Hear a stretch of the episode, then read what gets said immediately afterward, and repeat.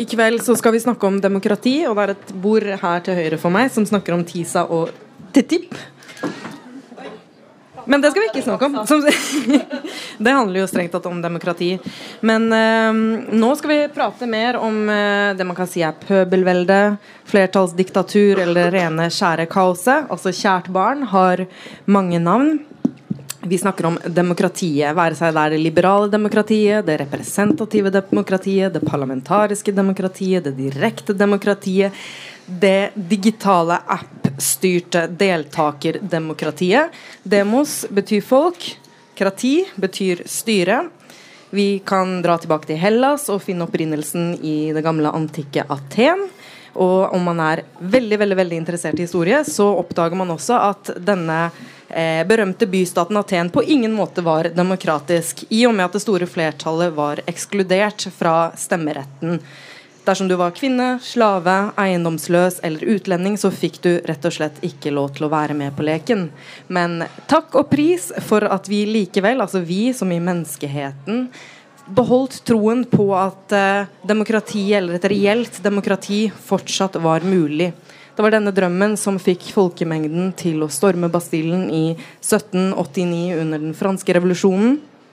Alle menn er født like, sa man, og etter hvert så fikk også kvinnene lov til å være med. Karl Marx sa at demokrati er forutsetningen, eller demokrati er veien til sosialisme. Og kanskje man også kan si at arbeiderbevegelsen anerkjente at sosialismen var forutsetningen for demokratiet. I hvert fall så måtte sosiale rettigheter og økonomisk utjevning til for at alle skulle kunne delta på lik linje. Vi fikk massepartiene på 1900-tallet, allmenn stemmerett, og i dag så har de fleste av oss omfavnet den moderne tanken om at hver stemme skal telle like mye, uavhengig av om du har utdanning, om du eier din egen bolig, eller hva du jobber med. Likevel alt er ikke som det skal. For eksempel, som demokrater så bør vi kanskje reagere på at ved kommunevalget i år så var det 40% som valgte å la være å stemme. Og kun 50 5% ikke 50% av oss, er medlem av et politisk parti. Siden 1980 så har partiene mistet enormt mange medlemmer. F.eks. så var Arbeiderpartiet, gigantiske Arbeiderpartiet, dobbelt så stort for 20 år siden. Det betyr også at stadig færre av oss er med på å forme politikken i dag. Sist, men ikke minst, representerer egentlig stortingspolitikerne folk flest. Det faktum at 80% av dem har høyere utdanning i forhold til 30% av befolkningen i sin helhet, kan tyde på at de ikke gjør det. Vi kan oppsummere dette her i to spørsmål, nemlig har vi et demokratisk problem her til lands, og i så fall hva gjør vi med det? Dette er tema under kveldens bodegaprat. Vi befinner oss på Tøyen. Jeg heter Lotta Elstad, og med meg i dag så har jeg Kai Asbjørn Sjølien. For ikke så lenge siden så hoppet du av partiet SV, og i dag så er du en slags uavhengig folkevalgt. Eller løsgjenger, som løs, du sier i Danmark. En løsgjenger, som man sier i Danmark. I bydelen som vi nå befinner oss i, nemlig Gamle Oslo. Ved siden av deg så sitter Mari Eifring, en av venstresidas politiske strateger. Ditt daglige virke er som partisekretær i partiet Rødt. Og sist, men ikke minst, Linn Herning. Du jobber i For velferdsstaten, som er en slags aksjon eller en, en slags organisasjon eller kampanje eller what have you, i, som er tilknyttet til Fagforbundet. Og jeg mistenker at du er en slags skapsyndikalist. Det får jeg egentlig ikke lov til å si. Men det betyr altså at du ser på fagbevegelsen som en langt viktigere politisk kraft enn partiene. Og du skal få lov til å demontere eller svare på dette her seinere, men først så har jeg altså lyst til å gå til deg, Kai Asbjørn. Du er på mange måter grunnen til at vi er samlet her i dag, fordi du skrev nemlig en artikkel i Radikal portal for ikke så veldig lenge siden som het 'All makt til den akademiske elite'. Utropstegn, utropstegn, utropstegn. Og her går du så langt som å si sitat vi er nå på vei til å avvikle vårt folkestyre til fordel for et teknokrati, hvor makten ligger hos byråkratiet, styrt av en akademisk og økonomisk elite. Dette er en veldig krass påstand, som jeg håper at du kan utdype. Ja, det, uh, utdype og utdype. Det er jo um, Du innleda jo egentlig med å utdype det, følte jeg litt. Uh, hvis man ser på, Du gikk 20 år tilbake med Arbeiderpartiet. Men hvis du tar 1950, da når Arbeiderpartiet var på sitt største, så hadde de 200, litt over 200 000 medlemmer. Og I dag er de nede på 50 000. Høyre i 1990 hadde 100 000 medlemmer, og de har mista 80% av sine medlemmer siden 1990. Og Det samme har skjedd i alle partier, bortsett fra Frp og Venstre, som faktisk har hatt en vekst da, i, eh, i, de senere årene. Og Hvis man ser på da eh, Nå er det vel mellom 3 og 5 da, som er medlem av et parti på Stortinget i dag.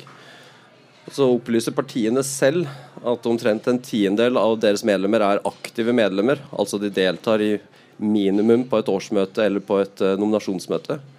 Um, da sitter du da igjen med ja, to-tre promille av befolkningen som er med og, og utvikler og skaper og bygger politikk. Da.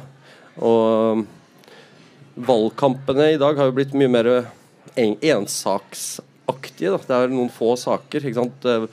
I Oslo kommune så var det nå kommunevalget så var det jo eiendomsskatten som var en sånn kjempestor eh, greie. Veldig stor debatt. ikke sant? Den tok nesten all plass. Uh, men det er snakk om en sånn 350 mellom 350 til 500 millioner i året i et budsjett på 60 milliarder. Så det er jo en veldig liten andel av egentlig det totale da, økonomiske spillerommet som Oslo kommune har, men det er der all diskusjonen blir. Da. Og det, det mener jeg er et stort demokratisk problem. Og jeg synes det er et stort demokratisk problem at eh, folk ikke er mer involvert til å bygge politikk og skape ideer og komme med forslag til løsninger. Um, og jeg føler at partiene lukker seg mer og mer. Uh, uh, bare i, når jeg ble født da, i 1982, så var det uh, så var 16% av Norges befolkning medlem av et parti. Samtidig, eh, på den tiden, så var. Eh, ansatte på Stortinget var sånn én til ti i forhold til, eh, til representanter. Men uh, i dag så er det én til én, så hver eneste representant har, har, en ansatt eller en rådgiver Sin kammerpike? Ja, eller en veskebærer, som det også kalles. Men det er en profesjonalisering av politikken. Den tilpasser seg mye mer media, og er mye mer opptatt av hva liksom, media skal mene, og hva media er opptatt av og er, vil heller møte en journalist enn eh, en borger. Og hvis ikke den tendensen snur, så tror jeg nok om få år vil vi ha kommunevalg hvor vi, vi havner under 50 i, i deltakelse. Uh, og, og, det handler nok om, tror jeg, at folk ikke føler seg representert av de som er på Stortinget. Man føler seg ikke inkludert. Man føler ikke at man kan delta eller bidra. Uh, og jeg tror at folk ute der sitter med masse bra løsninger på hvordan vi skal løse de store krisene som vi står overfor.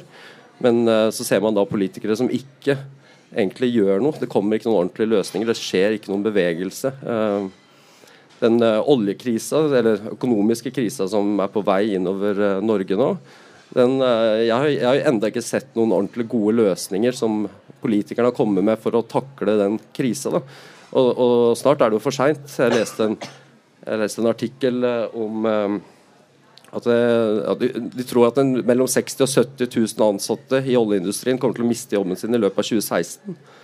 Det er veldig mange arbeidsledige som uh, da ikke Veldig kompetente folk som da ikke Det er ingen plan for dem. Du har Nav. Det er det. Mm. Så ja, jeg tror det er viktig å snakke om demokrati. Det er viktig å ha et fokus på det. Og jeg tror at vi må som et demokratisk land må vi hele tiden være med å utvikle demokratiet videre og spørre oss, det mener jeg er en jobb for alle partier, hvordan kan vi bygge et demokrati? Hvordan kan vi få et større og bredere demokrati? Du har også nevnt at det er et demokratisk problem at det er så høyt utdanningsnivå blant, eh, blant de folkevalgte, spesielt på Stortinget. Kan du si litt mer om det? Hva tror du blir konsekvensene av en sånn skeivhet? Det er ikke utdanningsnivå Det handler om litt sånn det er ikke noe problem med utdanning. La folk ta ut det. Det er ikke veldig for at folk tar utdanning. Men kunnskap er ikke bare utdanning eh, man får på, høy, på, en høyskole, på en universitet. Kunnskap er også erfaringer fra hverdagslivet. Kunnskap er erfaring fra forskjellige yrker, eh, fra forskjellige arbeidsplasser, fra forskjellige organisasjoner, foreninger, fra frivilligheten. Kunnskap er mye mer enn den leste kunnskapen. Jeg mener at All kunnskap som er i landet, må være med å blir representert. Da. Og du mener det ikke er det nå? Nei, ikke med den uh, fordelinga uh, som er. Jeg tror det er et representativt demokrati da, som vi har, må også da kunne være representativt i befolkningen. Og det er det partiene som uh, avgjør. De her 0,3 prosentene mm. som avgjør uh, hvem som skal representeres uh, politisk. Hvilke konsekvenser tror du at det kan få? Konsekvensen er jo politikerforakt. Uh, jeg leste noen statistikk på det òg. Det var 13 av Norge, Norges befolkning var, var, for, var, hadde tillit, stor tillit til politikere. 13% Mens 37% har ingen tillit til norske politikere. Så, og det henger jo litt sammen med eh, hvor mange som velger å ikke stemme. Tror du også at politikken blir, ville vært annerledes dersom flere folk var representert? Ja, absolutt. Og du ville fått helt andre uh, Jeg kan fortelle en liten historie om min mor, f.eks. Ja. min mor har uh, jobba som renholder hele livet sitt. og hun var da ansatt i en, en bedrift fra tidlig alder. Eh, hvor da hun delte hun delte, spiste mat med dem på kantina. Hun jobba på sykehjem, på Freia, på uh, asylmottak. Uh, og var alltid en del av kollegiet. Da. hun spiste lunsj med dem, hadde samtaler over bordet og følte seg inkludert. Og var også aktiv i fagforeninga og var med og engasjert. Men så utover 80- og 90-tallet så skjedde en kjempestor privatisering av nettopp den renholdssektoren. Da. De skulle ikke være ansatt lenger i bedriften, det skulle være noen utenfra. Um, og Det tror jeg ikke hadde skjedd hvis eh, renholderne var uh, representert uh, og hadde noe de kunne få sagt. da. Fordi Hun følte til og med at sin egen forening svikta. Og Det som skjedde med henne, var at hun fikk tre, fire, fem ganger større arealer å vaske. Hun fikk dårligere lønn. Hun ble eldre selv, og det ødela kroppen hennes. Så 20 år siden så var hun ble hun uføretrygda fordi kroppen hennes ikke takla mer. Og Det var det presset hun hadde hatt da de siste fem til ti årene, det var det som ødela for henne. Um, og, og, det er det jo ingen som snakker om, og, og i hvert fall ingen av de på Stortinget. Mm. Du eh, konkluderer også i partiet, eller du ymter i hvert fall frampå at Sofapartiet er altså landets største parti, helt uten representasjon. Og det ser ut til at vi kanskje rett og slett bør lage et parti for sofavelgerne. Hvordan kunne du tenke deg at det skulle se ut? Ja, nå er sofavelgerne en uh, er, Jeg syns ordet sofavelger er egentlig et dårlig begrep. da. Uh, sofavelgere er en veldig variert gruppe som kunne stemt alt fra Frp til Rødt, uh, helt sikkert. Men hvis og, det fantes et sofaparti, kunne man stemt på det? Jeg har ikke noe tro på noe sofaparti. Men jeg, jeg tror uh, Men det, er jo, det finnes jo masse tall på hvem som ikke stemmer. Og det er jo lavtlønna. Det er uh, andregangsvelgere, yngre velgere. Andregangsvelgere er helt Det er nede på 30% som velger å stemme. An, ikke første det ga gang, altså ikke mersmak? Nei, det er, det er, jo helt utrolig. Og, og, så er det innvandrere og folk med lav utdannelse eller ingen utdannelse. Og det her er jo nettopp de gruppene som også er underrepresentert i politikken i dag. Så jeg tror det er såpass enkelt at folk vil føle Eller de vil se en representant som de kan kjenne seg igjen i. Som har en erfaring som ligner deres egen. Har eh, noe De snakker et språk som er forståelig for dem. Eh, de snakker om saker som de er opptatt av.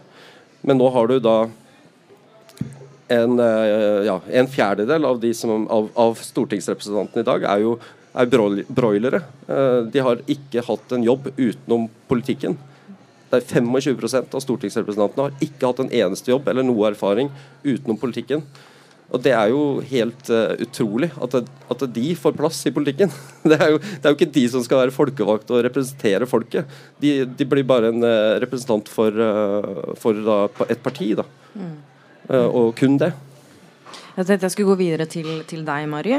Eh, fordi Kai Asbjørn etterlyser altså et parti som kjemper for de arbeidsledige, de enslige, for eneforsørgerne, de ufaglærte, de uføre, de trygda, de på sosialen og de som faller utenfor. Bør ikke Rødt egentlig ta på seg denne oppgaven? Eh, jo. Eh, jeg kan jo si aller først at eh, jeg er i utgangspunktet enig med Kai Asbjørn i veldig mye 95% av alt som han både skriver i, i den artikkelen han har skrevet, og eh, også det som du sier nå, og at det er et eh, enormt stort problem for i hvert fall alle demokratisk innstilte mennesker at det demokratiet vi har i Norge i dag, eh, på alle mulige måter ikke er et demokrati for alle. Det inkluderer ikke alle eh, som bor i Norge. Um, og så er jeg forstått også enig i at det, eh, det å bare fokusere på eh, liksom, sofavelgerne eller hjemmesitterne i, i, seg selv, det kan bli en avsporing. For det, det er en veldig stor gruppe. altså Det var jo 40 eh, ved sist valg. Så det, det, er jo veldig mange forskjellige eh, grunner til at folk eh, ikke, ikke, stemmer. Eh, og jeg tror det er veldig vanskelig å definere det som en målgruppe for et parti, hvis det med målgruppe skal, skal ha noen mening. Eh, men så det jeg tenker er Poenget her er jo makt. Altså hvem, hvem er det som har makt, og hvem er det som ikke, eh, ikke har det? Eh, både makt over egne liv, hvilke, hvilke, livsvalg man har anledning til å ta eller ikke ta. Makt over egen arbeidsplass og hvordan man skal gjøre arbeidet sitt. Om man har anledning til å bestemme over det selv, eller om man opplever at det er en makt man ikke har. Eh, og makt til å bestemme over andres eh, arbeid. Altså i kraft av å eie, eh, eie bedrifter eller eie arbeidsplasser, så er det jo noen som har makt over, over andre. Og, eh, og, makt gjennom politikk og gjennom eh, stillinger i det offentlige eller næringslivet, der man har anledning til å utøve makt. Altså, denne type makt er jo veldig ujevnt fordelt eh, i samfunnet, som er ekstremt urettferdig. Og også når vi ser at det er et Eh, en slags systematikk i hvordan den makta fordeles, og at det går i arv, eller at det Det, det, er, ikke tilfeldig da, hvem, hvem, som får den makta, og hvem som ikke får det. Så tenker jeg at det er jo det som er eh, altså Forskjells-Norge, eller det som er det klassedelte samfunnet, er jo nettopp det. Og det syns jeg jo at eh, Kai Asbjørn beskriver veldig godt. Den frustrasjonen som, som mange har over at Norge er et klassedelt samfunn. og alle de utslagene det gir. Eh, både i sånn hverdags, hverdagslige ting og i egne liv, men også hvordan det reflekterer på det politiske systemet vi har. At vi har et, også et klassedelt politisk system som gjør at noen klasser er representert, mens andre i, i veldig mye mindre grad eh, er det. Eh, så da, Fram til der så, så, er vi veldig enige. Eh, og så er spørsmålet da om man skal lage et uh, nytt parti eh, for, å, for, å, gjøre noe med dette, eller for å ja, i større grad mobilisere da, de som ikke eh, er representert. Eh, og dette kommer kanskje som et sjokk på mange, siden jeg er partisekretær Rødt, men det mener jeg da ikke.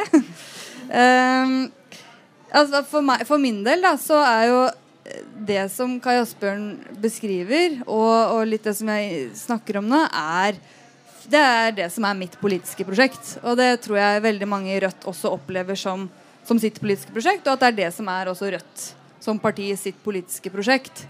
Eh, å være eh, å være, Eller i hvert fall ha et mål da, om å være et eh, mangfoldig og solidarisk arbeiderparti eh, for og med de som skaper verdiene i, i samfunnet, og også eh, de som eh, av ulike grunner faller utenfor pga. at samfunnet er sånn som det er.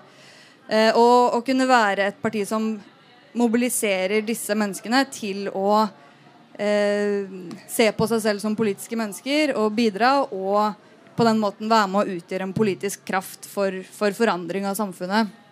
Eh, og så vil jeg jo ikke si at jeg skal ikke påstå at vi liksom har, nå har vi lykkes 100 med det, eller at Rødt er et perfekt parti. Eller, altså, det er veldig, veldig, lett å peke på eh, ting som sier at vi har fortsatt har en lang vei å gå. Så det skal jeg ikke benekte på noe som helst uh, vis. Men, eh, men det, det fins i hvert fall et parti som, som har det som mål, eh, og som jobber for det, og at vi er mange som allerede jobber for det. Eh, så jeg tenker at det er eh, litt dumt da, å starte veldig mange ulike konkurrerende prosjekter hvis, hvis man har samme, samme, mål. Så da mener jeg at da, jeg vil jo heller invitere Kasbjørn til å bli med i Rødt. og bidra med, Du er ikke den første som har spurt om det. Nei, det tviler jeg ikke på. Eh, og, og, bidra til å Altså, jeg er sikker på at han har veldig mange gode forslag ja, til hvordan man kan eh, bli et mer åpent eh, parti. Men Mari, eh, jeg har aldri vært aktiv i, i noen parti, så hvis du bare kan forklare litt for meg For du, du snakker mye om, om, om, makt og innflytelse. Jeg lurer helt konkret på hvordan man egentlig får makt og innflytelse gjennom et parti.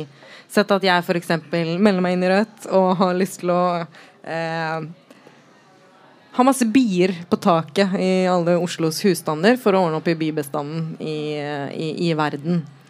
Hvordan er det egentlig går fram hvis jeg vil eh, få gjennom dette her i ditt parti? Ja, Du trenger egentlig ikke gjøre så mye, da, for det er vedtatt i hvert fall i Oslo-partiet at man er for uh, bier på taket. Men uh, Kanskje ikke hver eneste husstand, men uh, det, dette er en stor greie, hvis dere tror at det ikke er det bier på taket og grønntak. Det er faktisk Men en, altså, eh, må man gå rundt Altså, Jeg vet ikke hvordan jeg kommer opp på mitt eget tak engang. Ja, men Nei, de, okay, de, de tekniske detaljene i bier på taket, det, det dere vet jeg ikke men må jeg ha på meg sånne eboladrakter og, og det der, ja, det jeg synes jeg er helt crazy. akkurat, eh, Men eh, akkurat tilfeldig valgt eh, eksempel fra ordstyrerens Akkurat bier er ikke Det er ikke mitt spesialfelt, da. Nei, men uh, i hvert fall sånn som det er i, i Rødt, så er det hvordan, jo hvordan kom dette gjennom? er egentlig mitt spørsmål.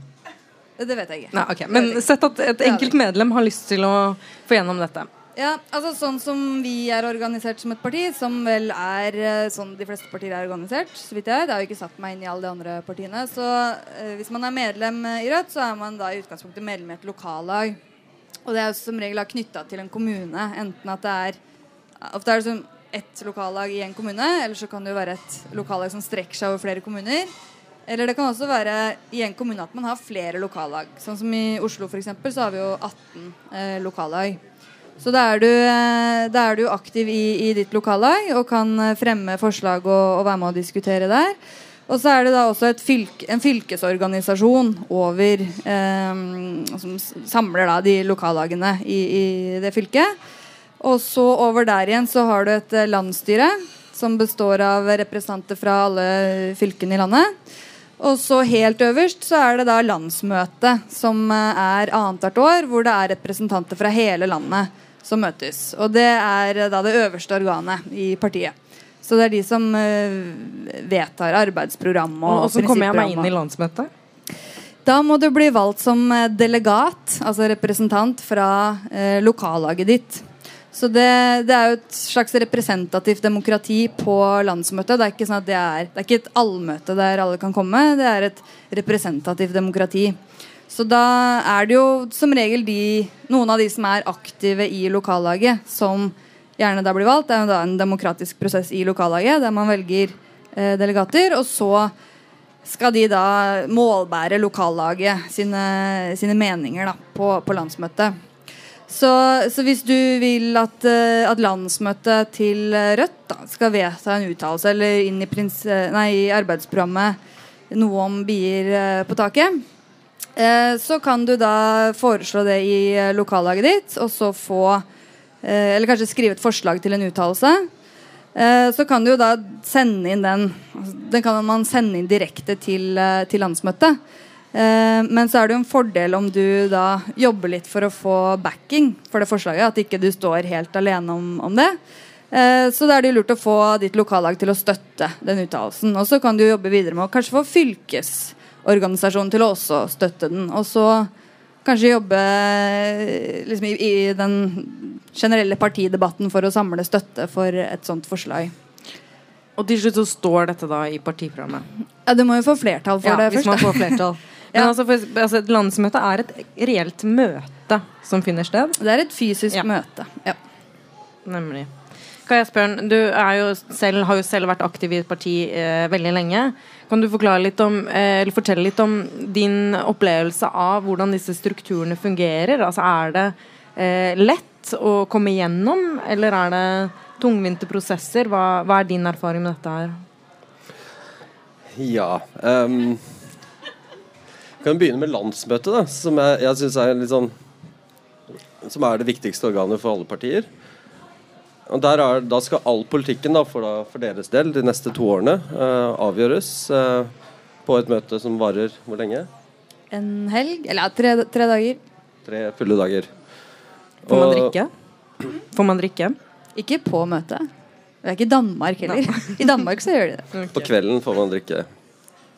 Noen drikker veldig mye. I hvert fall Jeg hørte at inkaene hadde en sånn greie med at eh, hvis man vedtar noe i edru tilstand, så må man vedta det samme i fylla på kvelden. det er så For at det skal gjelde. prinsipp. Bare så dere veit det. Det er jo ikke så, det er verre hvis det er omvendt, da. Fra det, det som jeg føler på Jo, jo, fylla, det er jo samme greia. Hvis du kommer fram til et eller annet på fylla, så skal du bare sjekke Jeg mener det samme i edru tilstand. Da gjelder det. Ja, Ja, for det er hovedgrunnen til at jeg meldte meg til SV. Ikke sant. Det er jo Det var det jeg skulle finne ut av. Men i hvert fall så er det jo noe med den herre Når det, det bie når det bieforslaget ditt da kommer fram på det landsmøtet, så blir det da satt av eh, hvor mye tid, tror du, til debatt om det bieforslaget? Nei, ikke nødvendigvis så lang tid. Til, til et, uh, hvis det er et forslag til en uttalelse, så, så, er det ikke nødvendigvis så lang tid til debatt om det. Det kan jo variere litt hvordan man organiserer det. Sånn som eh, alle årsmøter og landsmøter jeg har vært på, så er det sånn alltid innsnevring av tid da, hele tiden. For det å rekke igjennom og komme sant? Så det er sånn ja, Man begynner med tre minutter, og så er det to minutter, og så er det ett minutts innlegg. Så til slutt så har du da ett minutt da for å reise deg opp til å snakke om det her bieforslaget ditt. Jeg ville aldri klart det. og så skal du da overbevise da et helt landsmøte om at det, det her er jævlig bra. Og så, da, og så det, har de avslutta alle sånne der, uh, det, det, er ingen mulighet til å få til debatt. Du har da bare et, ett minutt, og så er det avstemning da på søndag. Og det er, det er liksom morsomt. Avstemning er ofte, vel, uh, ofte etter fylla. Uh, det er jo liksom den lørdagen er da fyllekula, så alle er sånn helt, eh, helt ødelagte på søndagen, og så skal de sitte og stemme, og er, alle er jo bare helt sånne der zombier. og bare, hva, hva, var det her igjen? Og hvor er papirene? Det, det, er jo en helt sånn rotete prosess da, som er helt unødvendig, mener jeg, med den teknologien som finnes i dag. Hvorfor kan ikke årsmøtet være bare hele tiden? Hvorfor, ikke, hvorfor, må det liksom være en helg? Hva mener du med bare hele tiden? Bare hvorfor, kan ikke, hvorfor må ja, noen saker er viktige, sånn styre og regnskap og de her tingene, og det kan jo gjøres ganske kjapt. og Det er jo ikke noe spennende. Det er jo ikke der politikken ligger. Men hva betyr det? At det skal vare hele tiden? Altså At man skal hele tida være på møte? Nei, men hvorfor skal man møtes fysisk? Hvorfor kan det ikke være et forum? Hvorfor kan det ikke være på nett? Hvorfor, nå, alt annet er jo på nett. Hvorfor skal partiene fortsatt styre sånn som de gjorde for 100 år siden? Hvorfor, det, hvorfor har ikke partiene utvikla seg sammen med teknologien og alt annet i samfunnet? Det er jo ikke noe annet Alt i samfunnet Vi, jo, vi har aldri vært så politisk engasjerte før, og vi har aldri ment så mye som vi gjør i dag. Med Facebook og med Instagram og alt sammen, så driver vi og liker ting og deler ting. og vi er jo alle er jo veldig deltakende og aktive og bevisst tar valg hele tiden på nett. Og det er veldig, eh, veldig tilgjengelig. Da. Det er jo der hos deg hele tiden. Og hvorfor kan ikke partiene også ta en sånn type rolle? Hvorfor må politikken avgjøres og snevres inn og gjøres så lite interessant og så dønn kjedelig? Og, og som, som, det er å sitte på et årsmøte da, eller på et landsmøte. Det eneste som er gøy, er jo den festen på lørdagen. Alt annet er jo ganske kjedelig. Rett og slett. Og I hvert fall sånn vedtektsdebatter. Og, Hvis du er helt ny og kommer på et årsmøte da, i et parti, du har ikke vært med i et parti før, og det her har jeg hørt fra veldig mange det er sånn der, eh, Nei, takk. Det her gidder jeg ikke. Fordi du har en, et engasjement, da, og du har liksom Å ja, det er en sak du brenner for, og du har lyst til å få igjennom, og du har, liksom, du har masse engasjement, og så kommer du inn i et sånt kaldt system som bare sånn Nei, nei, du må huske sånn og sånn og den Og nei, det er gul lapp og det er rød lapp og det er liksom Og nei, der er det masse kaos. Og så, nei, du får, ikke, du får bare ett minutt å si det på. Det, det, er hele tiden den her konflikten. da og, ja. jeg, jeg, bare forstår ikke hvorfor ikke partiene klarer å utvikle seg. da Fra fyll og fest til Linn Herning. Som var på julebord i går. det, det er en ting, en ting, som knapt har blitt nevnt her. Nå har vi snakka nesten 20 minutter. Eller vi har 20 minutter. Eh, og det er jo fagbevegelsen. Og jeg, som jeg sa innledningsvis, har jo kommet til fare for å kalle deg for en skapsyndikalist. For de uinnvidde så eh, En syndikalist mener altså enkelt sagt at det strengt tatt ikke er det parlamentariske systemet som er stedet der det skjer, men i stedet så bør vi alle organisere oss i, i økonomiske interesser interessesammenslutninger som f.eks. fagforeninger og ikke-partier, eh, som da har alle sine verdipolitiske avveininger som saker som tidlig ultralyd eller flytevestpåbud eller kjønnsnøytralt ekteskapslov, som splitter dem som bør være forent økonomisk mot kapitalmakta. Eh, Linn, er det fagbevegelsen som egentlig kan redde oss fra denne, dette demokratiske underskuddet? Nei og ja. Nei, altså um, Jeg begynte med å tenke at jeg var veldig enig i mye av det Kai Asbjørn sa. I analysen. Jeg er veldig enig i det. Uh, men det som kom her i stad, er jeg veldig uenig i. Uh, fordi For meg så høres det litt ut som det prosjektet som Erik Solheim hadde i SV, som het Swish. Eh, og der uh, altså poenget var å gå bort fra den tradisjonelle organisasjonstankegangen med lokallag og representativitet og de tingene der, og gå over til nettforum og slikt. Uh, mens jeg er jo av en helt annen oppfatning, og jeg syns det er interessant altså Når Kai Asbjørn trekker fram de to partiene som har vokst organisasjonsmessig de siste årene, så er det altså Fremskrittspartiet og Venstre. Og hva er det de har gjort? Jo, de har drevet tradisjonelt organisasjonsarbeid. Og det er jo der jeg måte sier at det, eh, For det første så måtte jeg google syndikalist da, for å finne ut litt hva det går i. Eh, men eh, eh, men det som, eh, det som er viktig med fagbevegelsen, det er jo at det er eh, det redskapet vi har i dag for folkelig organisering som er best utbygd. Altså hvor du fortsatt har et veldig stort medlemstall. Så, øh, og Det betyr at du har ikke hatt samme nedgangen i medlemstall i fagbevegelsen som du har hatt i de politiske partiene. Så den organiser... Altså, fagbevegelsen er den sterkeste folkelige organiseringa vi har i Norge. Og jeg mener jo at det venstresida har glemt litt eh, når man øh, begynner å prate om nettforumet og sånn, eh, det er at eh, det som er venstresidas reelle vei til makt, det er folkelig organisering. Eh, og det er det eneste potensialet man har for motmakt til eh, kapitalen, pengene, den, den, den makta der. Og det er derfor jeg er opptatt av fagbevegelsen. Eh, fordi eh, jeg mener at det som sagt er da det som eh, gir, gir makt til vanlige folk, det er kollektiv organisering.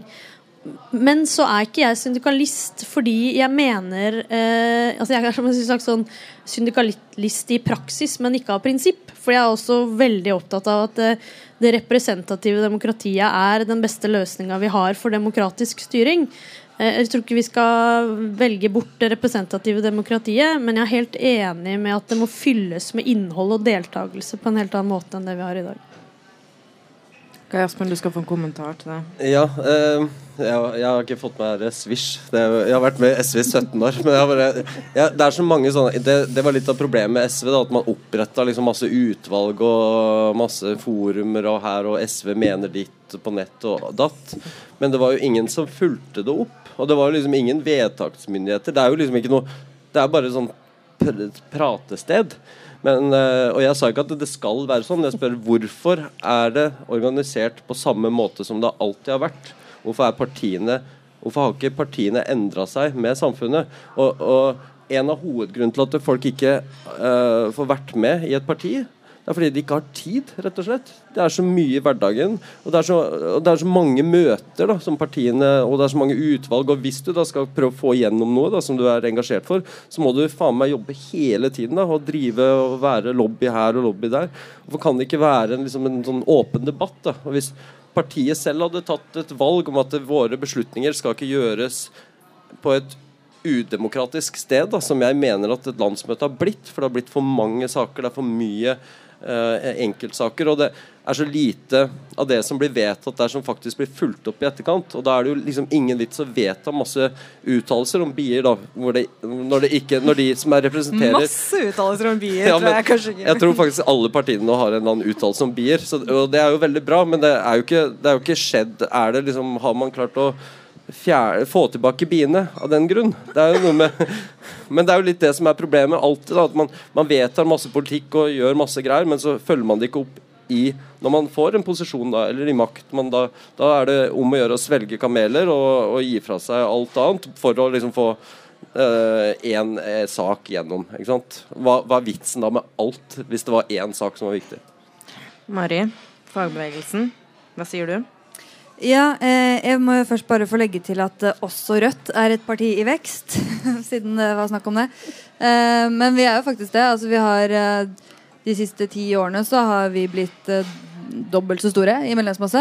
Nå var den jo ikke så stor i utgangspunktet, da. så det er, det er jo litt lettere for oss å si det enn for store partier. Men vi er iallfall nå snart ja, 2750 medlemmer. Som det er, ja, det er 15% medlemsvekst i år. Da. Så, det, så det er jo veldig positivt. Og det er jo faktisk noe vi opplever at vi får stadig flere medlemmer og folk som blir aktive i, i lokallag og uh, som også blir aktive i partiet. Eh, så det er en veldig bra ting. Men eh, altså jeg er for så vidt enig i en del av, av den kritikken til Kai Asbjørn at det er det er jo helt riktig at veldig mye av måten vi måte, organiserer ting på, er, er, den samme som det man har gjort i, i veldig mange år. og som er veldig eh, hva skal jeg si, altså Man merker jo litt forskjell på de som eh, er veldig vant til at det skal være sånn, og som eh, mestrer det gamet, på en måte, og de som ikke er vant til en sånn type organisasjonskultur, eller eh, f.eks. folk som kommer fra andre land, som ikke er vant til den måten å organisere et politisk parti på.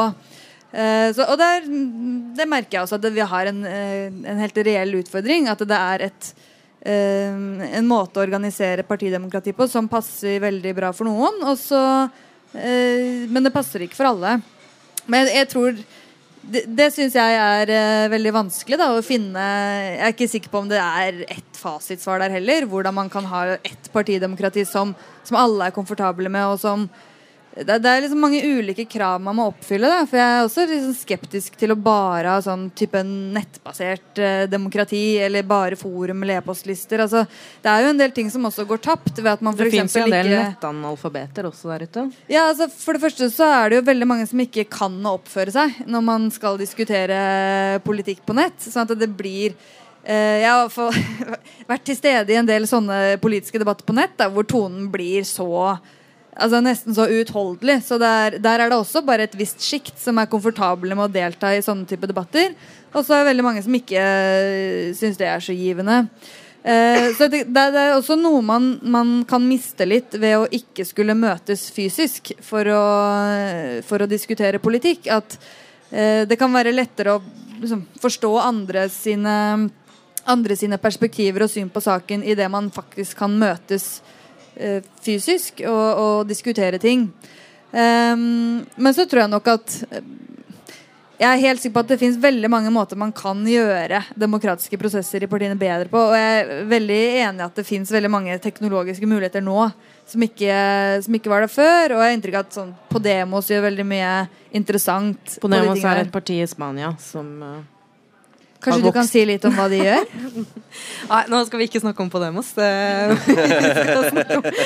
det kommer til å ta lang tid. Det, kan, det, det, er valg eh, på søndag, så vi får se om det er noe å snakke om neste uke. Men eh, jeg tenkte jeg skulle gå til Linn Herning eh, herfra. Altså, mener du at man, at man skal bare gjøre som man alltid har gjort, eller er det ikke et poeng her at man skal fornye måten demokratiet brukes på? Jo, altså, eh, jeg var litt eh, kategorisk i stad, men det er jo morsommere da å diskutere. Men eh, jeg tror at man skal nok utvikle politikk og måten å utvikle politikk på også i takt med tiden, da, kan du si. Men jeg er ikke noe spesielt sånn teknologioptimist. Jeg tror ikke noen ting kommer av seg sjøl, heller ikke med teknologi. og jeg tror at når det gjelder å skape reelt demokratiske organisasjoner, så er det et langsiktig og eh, tungvint og traurig arbeid. Altså sånn, Det er en del sånn grunnleggende arbeid som må legges ned. Eh, hvis diskusjoner bare skal være på nettfora, så er det eh, som du sier, det er også et sted hvor bare noen deltar. Og det som jeg eh, merker litt, eh, reiser jo en del rundt i landet og deltar på både partimøter og, og fagforeningsmøter. Og det som vi ser, er jo at de særlig eh, partiene på venstresida har jo mye mindre grad eh, eh, de tilbyr i mye mindre grad helt grunnleggende skolering for sine medlemmer. Og det vil si at Eh, for å komme inn så må du på en måte være proff allerede. Og det eneste nivået det er eh, greit å, å være nybegynner, det er i ungdomspartiene. Og det er derfor tror jeg at du får den uh, broilerutviklinga som Kai Asbjørn snakker om. Det er veldig vanskelig å være 43 og hjelpepleier og plutselig skulle kaste seg inn i politikken, og så kommer de inn, og så eh, snakker man om ting som du ikke helt henger med på, og man har masse regler for hvordan man sitter i et møte, f.eks. Replikk og innlegg og altså, en del sånne type ting som eh, men som på en måte det må være noen kjøreregler. Og jeg mener jo at kjøreregler i veldig stor grad er eh, demokratiserende, men da må alle vite om dem. Og Det er derfor jeg er opptatt av den grunnleggende skoleringa. Og hvis du ser hva Fremskrittspartiet har gjort, f.eks. De har gjort to uh, hovedting. Da. For det første så har de jo tatt i bruk arbeiderbevegelsens store organisasjonsbibel. Uh, 'Tillitsmannen', som Einar Gerhardsen uh, skrev. Som går på helt sånn grunnleggende organisasjonsting. Hvordan holde et møte, hvordan skrive et referat, hvordan invitere. Altså Sånne type ting som man ikke nødvendigvis kan hvis man aldri har, har vært i politikken. Det var én ting som de gjorde. Brukte helt sånn grunnleggende organisasjonsskolering. Og så hadde de helt grunnleggende politisk skolering. For et par år siden så var jeg inne og sjekka studieprogrammet til Fremskrittspartiet. Og da hadde de sånn eh, 25 møter rundt i landet hvor du kunne lære kommuneøkonomi. Altså sånn, hvordan, opp, hvordan ser kommunens budsjett ut? Helt sånn grunnleggende verktøy. Og det er måten å inkludere vanlige folk eller folk flest. Det er å gi dem et tilbud om at her kan du være med, du kan komme med alle ideene, og vi skal gi deg verktøyene som man trenger i politikken. Og det tror jeg man i altfor liten grad gjør i de politiske partiene på venstresida, med unntak av ungdomspartiene. Eh, men det gjør at du bare får disse her Da blir man litt sånn Kramer på den karatetreninga for, for, små barn. Ja, da vinner ja. man for så vidt. Du vil, være, du vil ikke være godt voksen og gå på, på, på kurset til, til Ungdomspartiet. Eh, og, så man må ha et tilbud der. Og, så jeg tror at den typen ting er veldig viktig hvis man skal bygge demokratiske organisasjoner. For jeg er helt uh, Jeg mener det veldig tydelig at partiene er avdemokratisert. Uh, og det er jo litt derfor jeg holder litt fast på fagbevegelsen, for da holder man på med sånt. Mm. Helt grunnleggende. Når du blir tillitsvalgt i, i, en fagforening, så får du som regel et tilbud om kurs. I hvert fall så skal det være sånn. Og det er sånn helt grunnleggende ting. Og det tror jeg man i mye større grad må ha i de politiske partiene. Og det er det Fremskrittspartiet har gjort, og de har gjort det med en stor suksess. Ok, Mari. Det gamle sosialistiske slagordet er jo 'agiter', 'skoler' og 'organiser'. Har man nå endt opp med 'agiter', 'agiter', 'agiter'?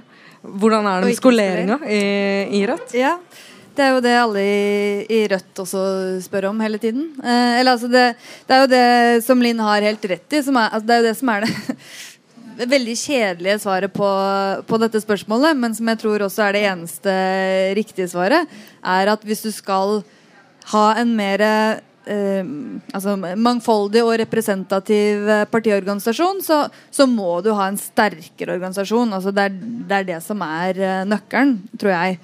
Eh, for er, hvis du skal ha lavterskelaktiviteter, hvis du skal ha et reelt tilbud for folk som ikke har noe politisk eller organisatorisk eh, bakgrunn fra før av, så må du jo ha liksom, klart et organisasjonsapparat som kan tilby nettopp det.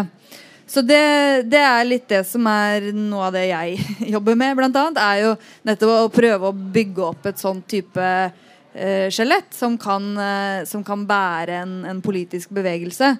Um, og jeg tror at det er um, det er jo nettopp det som er å lære av, av Frp, som jo er det partiet som har uh, best uh, arbeiderandel, eller iallfall lavest uh, akademisk andel blant sine stortingsrepresentanter.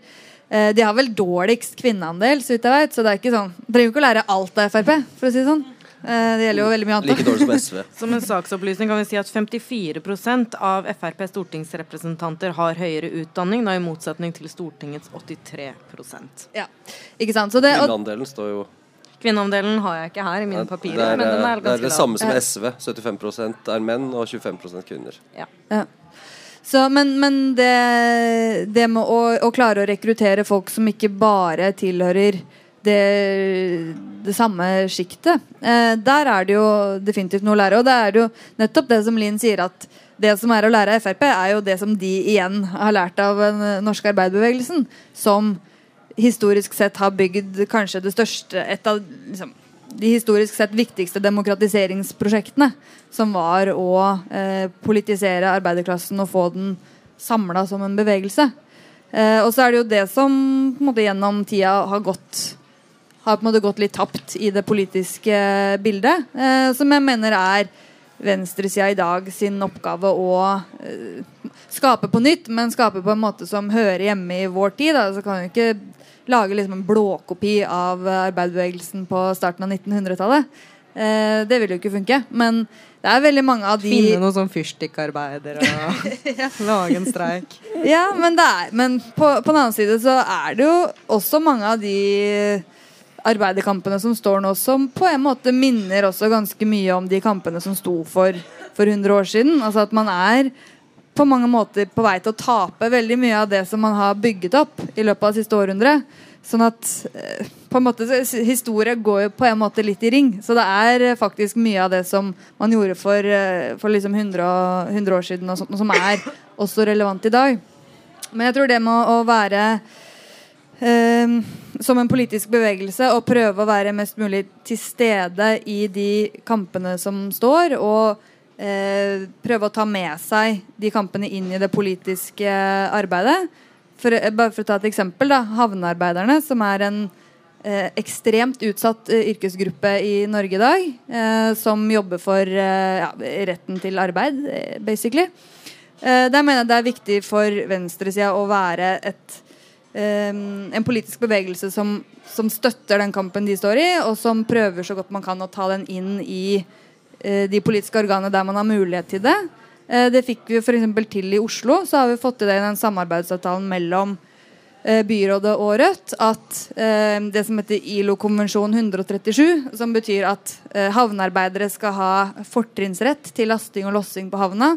Altså at de skal få beholde jobbene sine på havna, betyr det jo egentlig. Og at deres tariffavtale skal gjelde. Står i den avtalen. og det er ekstremt viktig. Og det er ikke viktig liksom bare for havnearbeidere, men det er viktig for eh, hvordan man anser hvor, altså Det er viktig for tariffavtalens status i Norge i dag. Så det er en sånn kjempeviktig eh, både politisk og arbeidslivskamp som står nå.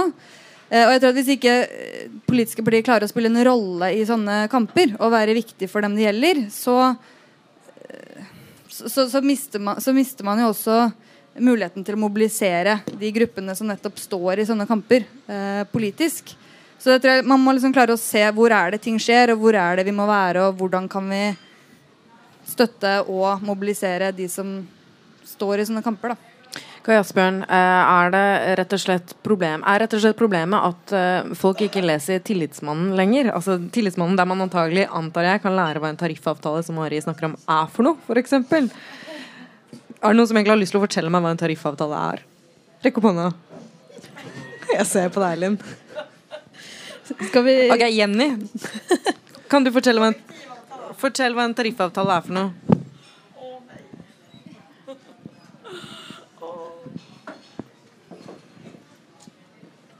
När man har tillräckligt många på en arbetsplats som organiserar sig i en fagförening um, så kan man ingå ett avtal med arbetsgivaren sammen med den fagföreningen um, som sikrer en, eh, en, viss typ av lønn, övertidsbetalning, uh, ja, alt mulig.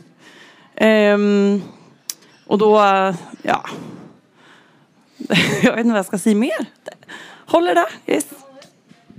Veldig bra. Der fikk vi en tillitsvalgt fra, fra eh, Forbundet Handel og Kontor som forklarte hva en tariffavtale var for noe. Eh, men tilbake til deg, Kai Asbjørn. Altså, er det dette her som er altså, Du snakka en del om at ting skal være gøy, men, men er det eh, også den kjedelige skoleringa? Er, er, det ikke egentlig dette her som mangler i minst like stor grad for å kunne sikre deltakelse og Jo, men jeg mener, jeg, jeg, som, som, jeg har tenkt, da, eller tenkt at det som mangler litt, er, det er veldig viktig med fysiske møter.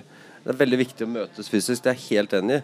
Men, men det å kaste det bort i sånn herre sånn, sånn, som det er i dag. Det synes jeg er veldig Når man først skal møtes, da, reiser sammen hele landet og møtes, hvorfor, skal det, hvorfor da skal man sitte liksom hele dagen sånn ett og ett sted og liksom stemme? Og man, det er jo ikke noe plass, det er veldig lite rom for da Når man faktisk møtes, så mener jeg at det, da, det er da man skal sitte og drodle og finne på ideer og gjøre liksom crazy ting. og være litt sånn der, gjøre masse tull da og bare komme opp med gode ideer og hele tiden tenke liksom fremover.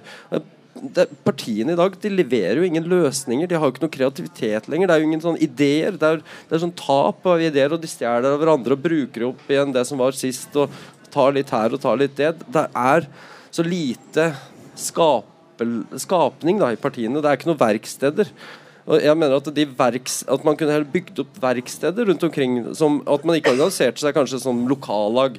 For da måtte, da måtte du være et lokallag sammen med masse folk som er opptatt av helt forskjellige ting. Hvorfor kan man ikke organiseres i forhold til hva man er opptatt av, og hva man har et uh, engasjement med, eller noe man har lyst til å få til? At hvis alle de som er opptatt av bier, Hvorfor, hvorfor, må alle de som er opptatt av bier, sitte da én og én i ett og ett lokallag? Hvorfor kan ikke de som er opptatt med bier, da møtes? da? Det kan jo være liksom, diskusjon og, og debatten kan jo skje virtuelt, med at dere har et fysisk møte hvor dere kommer på ideer om hvordan man skal fikse det. Og så er avgjørelsene og alt det der, det som er litt sånn kjedelig eh, Eller det er jo veldig bra med avgjørelser, men den debatten kan jo da skje Uh, på nettet uh, i en lukka gruppe ikke sant? innad i partiet som kun medlemmene har tilgang til. for Det er jo ikke noe, det, er ikke, det, er der, det skal jo fortsatt være et medlemsdemokrati innad i partiet. Men det er, det kan, jeg tror, og jeg har ikke noen løsning på det her. Jeg bare stiller spørsmål. Kan ikke ting gjøres litt annerledes? Og hvorfor er det ingen som snakker om det? Og, og, og, hvorfor er det ingen som tenker på at det er kun 3 promille av Norges befolkning som er aktiv i norske partier? Det er et kjempeproblem. Og det, er, det syns jeg er så rart at det ikke er flere som er opptatt av. Jeg ser at du, tegner, du skriver og tegner deg iherdig, Linn. Jeg gir deg ordet. Ja, nei, altså um, Jeg tror at en av de tingene som, eh, som er litt interessant utvikling i, um, i demokratiet, da, for å si det sånn, i Norge i hvert fall, det er jo i, i hvor liten grad partiene setter politisk agenda i dag. Eh, jeg har jo inntrykk av det at veldig mye av politikken utformes utafor partiene. Eh, og nå er jo jeg en elefant som vaser rundt i et glasshus, fordi jeg har valgt å ikke være i parti sjøl, men sitte og utenfor og jobbe på andre måter. Så det er jo lett, veldig lett for meg å stå og si det, da. Men det er jo ikke bare liksom mitt individuelle valg, men det er en samfunnsutvikling som er ganske interessant. Eh, og det er jo noe med at når man snakker om um, man snakker jo også om at, at, demokratiet og det representative demokratiet er tømt for innhold. Uh, og man driver nettopp med sånn flytevestpåbud og annet tant og fjas. Uh, flytevestpåbud. Må, uh, don't get me started on flytevestpåbud. Jeg vil takke det nå. Det var noe Stortinget diskuterte for et, ett og et halvt år siden. Don't get me started, sa jeg. Altså, vi kan ikke begynne på det der. Det, det er det Linn er veldig imot flytevester i båt. Nei, Nei, nei, nei! nei, nei, nei, nei, nei. Nå, nå fikk du meg i gang. Jeg er ikke imot flytevester. Du er imot, jeg er imot at man skal diskutere påbud av flytevest. Jeg er imot påbudet om flytevester, og at det er noe stortingspolitikerne våre holder på med. For da kan man ikke ligge i sin yacht i bikini og sole seg og se bra ut. Men vil du, Er du nei, men, for et påbud av sykkelhjelm? Ja, ja, jeg er veldig, veldig, veldig mot påbud generelt her i verden. Ja, ja men jeg mener jo, altså For å være seriøst For å være, være seriøs om flytevestpåbud. Det går an å være veldig seriøs om det. Jeg skrev en uh, utrolig sint kronikk som heldigvis ikke kom på trykk. Men, uh, om det. Nei, men jeg mener at det er et bilde på hvordan politikken tømmes eh, for innhold. Da. Altså, nå var det Arbeiderpartiet som, fremma, som hadde den saken. Og Arbeiderpartiet var jo på en måte tenkt som uh, arbeidernes representanter. Og man, man har flytta også politikken fra å handle om representativitet og interesser til å handle om hvem som har best politikk, og hvem som har mest moralsk politikk, og hvem som har de beste verdiene. Og Det mener jeg også at er et problem. da. For mens den økonomiske eliten setter eh, økonomisk agenda og tømmer demokratiet for, eh, for innflytelse over reelle økonomiske strukturer, og vi har en økende ulikhet, en stor politisk avmakt, og så sitter Stortinget og diskuterer flytevestpåbud jeg, jeg mener at eh, Hadde de diskutert eh, skatteparadiser og ulikhet og eh, retten til arbeid og masse andre ting, som de også gjør Men liksom å bruke mye tid på sånne ting er for meg Det er jo bare en fillesak, men det er, et, det er for meg et sånn symbol på hva politikken fylles av i dag. Eh, og hva den eh, ikke fylles av. Og Derfor så blir jeg utrolig irritert når vi snakker om flytevest. Det var folkets røst som vi hørte der. Eh, både Mari og Kai Asbjørn nikker iherdig, og jeg skal gi deg den første replikken. Ja, jeg er så enig. Det er jo nettopp det, er jo det her som er litt problemet. da Eh, eller veldig, Man liksom fordummer folk. Og, og, og, og nettopp det med du sier, at det har aldri vært så mye eh, engasjement i befolkningen som er utenom partiene. Det, det, det, det er folkeaksjoner, det er lokale nabolagsinitiativer. Det, er, det skjer så mye utvikling da, og ideer og politikk utenom partiene. Og jeg tror det skjer nettopp fordi at partiene har blitt så lukka og så vanskelig å komme inn med nye impulser. Fordi partiene er mest opptatt av hva de er, og ikke hva de vil. Og det tror jeg er litt sånn her, Vi har det imaget, og det er vårt image. Men det er veldig lite snakk om visjoner, det er veldig lite snakk om uh, framtida. Det er veldig lite snakk om utfordringene foran oss og hvordan de skal løses. Og det er ikke noe involvering av folk for å finne de gode løsningene. Man bare sitter og er liksom mer sånn konform og tror at ja, det er, er, jo ganske greit i Norge. Det er jo litt sånn Ja, vi har det jo greit. Det er, det er litt den holdninga at nå, liksom, nå, er det fiksa. Vi er ferdig med sosialismen da, eller eh, likestillingskampen eller eh, antirasismekampen. Vi, er, vi, har det, vi, har det, greit. Uh, olja, vi har masse penger på bok. og alt kommer til å ordne seg. Men de gjør jo ikke det. Det kommer ikke til å gjøre det hvis man ikke hele tiden tenker, tenker fremover og utvikler landet videre og utvikler demokratiet og utvikler Man må tenke fremover da, hele tiden. Og det skjer ikke i partiene. Mari? Ja, men jeg tenker Det handler jo om, eh, om de tingene som Kai Asper nevner her òg, men det handler jo det handler jo først og fremst om det, om det, politiske grunnlaget til partiene også. Altså jeg mener Eh, det må vel være lov til å si at Arbeiderpartiet utgjør et stort problem i, eh, i dette henseendet. Det er ikke lov å si. Det ja, jeg, eh, jeg, sa det likevel. det er ingen fra Arbeiderpartiet altså her, det, jeg til er jo noe med at forsvare Det er jo noe med at hvis ikke du eh, Ja, men det må være lov til å si noe kritisk om Arbeiderpartiet, selv om ikke de er her. Um, Nei, altså at det, Hvis du ikke egentlig merker så innmari stor forskjell på hvem som styrer, uh, om det er Høyre eller Arbeiderpartiet, så er det jo klart at det forsvinner jo litt av motivasjonen til å, å stemme også. Hvis ikke du syns det er noen enkle, store, klare forskjeller. Eh, og jeg tror at det er jo noe av det som er problemet her òg, at Arbeiderpartiet og Høyre har blitt, eh, blitt for like. Og at veldig mange av de liksom, virkelig store spørsmålene er jo ikke på valg. Eller altså, det er jo ikke Det er jo som Linn sier, da. Det er jo ikke det man stemmer over på Stortinget. Sånn som altså, EØS-avtalen, da. Konsensus. Eh, utenrikspolitikk generelt. Konsensus. Eh, TISA-avtalen, som vi mumla litt om i stad. Eh, det, det, er jo ikke noe, det er jo ikke noe liksom debatt på Stortinget om det, eller no, noen avstemninger, eller noe for, for velgere å ta stilling til når man skal gå og stemme i valg. Eh, og veldig mange andre sånne Altså de store, viktige spørsmålene er jo ikke på valg. Eh, og derfor så har jeg jo til en viss grad også forståelse for at mange velgere gir litt opp. Um, og det er det jeg tenker er den radikale venstresida sitt uh, prosjekt. Må jo være å, å, å, vise at noe faktisk står på spill. Det har noe å si, eller det skal ha noe å si om det er høyresida eller venstresida som vinner, som vinner valg. Um, og for deg som eh, er enten du er industriarbeider eller renholder eller arbeidsleder eller hva det nå er, så skal du merke forskjell hvis det er venstresida som sitter ved makta. Skal, du skal merke forskjell i din livssituasjon og føle at dine interesser blir kjempa for. Uh, og der tror jeg uh, det er mye å gå på, da, for å, si det, for å si det mildt. Men jeg tror man vil jo ikke klare å mobilisere alle disse menneskene til å, å, bli politisk aktive mennesker hvis ikke de føler at det er noe i det politiske eh, landskapet å hente. Så ja, vi kan jo begynne der. Nå må vi snart avslutte denne podkasten, men uh, jeg lar Linn uh, få rett og slett siste ordet. Oi, får du si. Ja, for det første så at eh, bare si det om, eh, om, Arbeiderpartiet. At jeg mener at det er ikke Arbeiderpartiet nødvendigvis er et problem. Det er enormt stor forskjell på folk internt i Arbeiderpartiet også. Det tror jeg man skal ha med seg når man diskuterer dette her.